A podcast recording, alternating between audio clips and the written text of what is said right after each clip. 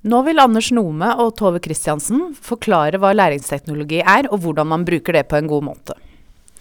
Uh, Anders, hva er læringsteknologi? Nei, sånn Kort forklart så er det um, alt vi bruker av teknologi for å få en bedre, bedre læringsopplevelse eller bedre læringsutbytte for elever og studenter. Og hvordan bruker man det da på en god måte? Det er jo også varierende. Det spørs hva man ønsker å oppnå. Så det kan brukes til å teste kunnskaper eller formidle kunnskap. Eh, det kan øke tilgjengeligheten. Det kan eh, Ja, det er vel kanskje i korte trekk det jeg tenker at man bruker det til. Ja. Tove, til deg. Hva slags modeller underviser dere etter? Ved Høgskolen Kristiania så, så, tilbyr vi nettstudier til individmarkedet primært. Eh, vi har noen studier hvor vi også eh, har, arrangerer samlinger.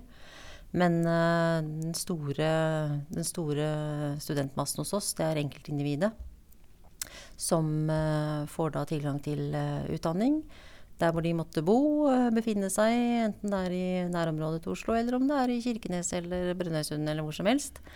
Så får de da en fullverdig studiepakke med alt av innhold tilrettelagt i vår læringsplattform. Og så får de kontakt med sin personlige veileder, som følger dem opp og gir dem tilbakemeldinger på innleveringsoppgaver de sender oss. Hmm. Kan du nevne tre grunner til at studenter velger nettbasert opplæring? Ja, det viktigste er nok tilgjengeligheten. At de får det der hvor de er, og der det passer dem å studere. Eh, og fleksibiliteten som er i det. Um, så de to stikkordene fleksibilitet og tilgjengelighet har liksom vært det som har kjennetegnet neste studie i alle år. Men det var med tredje. Um, du nevnte jo uh, tidligere da uh, individuelle tilbakemeldinger. Mm. Det, kan det være et tredje stikkord?